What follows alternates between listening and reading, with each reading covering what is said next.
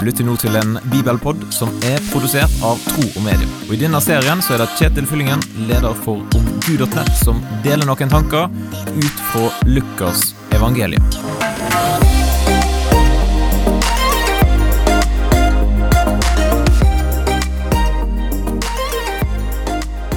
Det er lett å begynne å klage.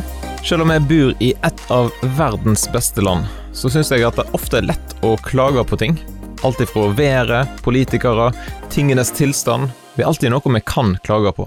I dagens bibelpåtekst i evangeliet til Lukas, kapittel 1 og vers 67-80, der hører vi om en som begynte på en helt annen måte. Men i det samme ble munnen hans åpnet og tungen løst, og han begynte å lovprise Gud. Alle som bodde der omkring ble grepet av ærefrykt. I alle fjellbygdene i Juda snakket folk om det som hadde hendt. Alle som hørte dette, tok det til hjertet og spurte hva skal det bli av dette barnet? Og Herrens ånd var med han. Hans far Zakaria ble fulgt av Den hellige ånd. Han talte profetiske ord og sa, Velsignet er Herren Israels Gud, for han har sett til sitt folk og forløst det. Han har oppreist for oss et horn til frelse i sin tjeners Davids hus slik han lovet fra gammel tid ved munnen til sine hellige profeter, og frelse oss fra våre fiender og fra hånden til alle dem som hater oss. Han viste miskunn mot våre fedre og husket på sin hellige pakt, den ed han gav som løfte til Abraham, vår far, så vi frelst fra fiendehånd og uten redsel kan tjene ham for hans ansikt, i renhet og rettferd alle våre dager.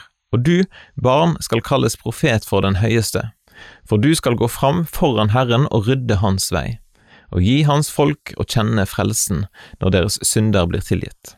For vår Gud er rik på miskunn. Slik skal lyset fra det høye gjeste oss som en soloppgang, og skinne for dem som bor i mørket og dødens skygge, og lede våre føtter inn på fredens vei. Og gutten vokste og ble sterk i ånden. Han holdt til i ødemarken helt til den dag han skulle stå fram for Israel. Zakaria han begynte med å lovprise Gud, og jeg har tenkt da at etter ca. ni måneder uten å kunne si et ord, det må jo ha vært andre ting han kunne tenkt seg å si. Hvis du har mista stemma noen gang, så vet du hvor frustrerende det er når du ikke får sagt det du vil. Og det var sikkert en del ting som han hadde observert og irritert seg over den tida når han måtte være stille. Han kunne òg gitt en skikkelig overhøvling til den gjengen som sto rundt, som ville presse han og Elisabeth til å gi Johannes et annet navn enn det som de sa at barnet skulle hete. Men han begynte altså med å lovprise og takke Gud, og vi ser at dette gjør inntrykk på de rundt.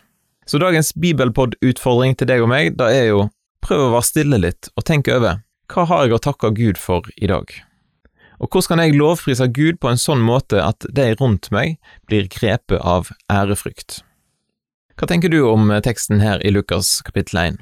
Du kan gjerne ta kontakt og dele dine tanker med meg, du kan sende en e-post til kjetil etter troogmedier.no. Og du kan òg dele Bibelpodden med noen, enten med å dele den på Facebook eller fortelle noen ansikt til ansikt om denne podkasten her. Da ønsker jeg deg en fin dag, og så poddes vi jo plutselig igjen.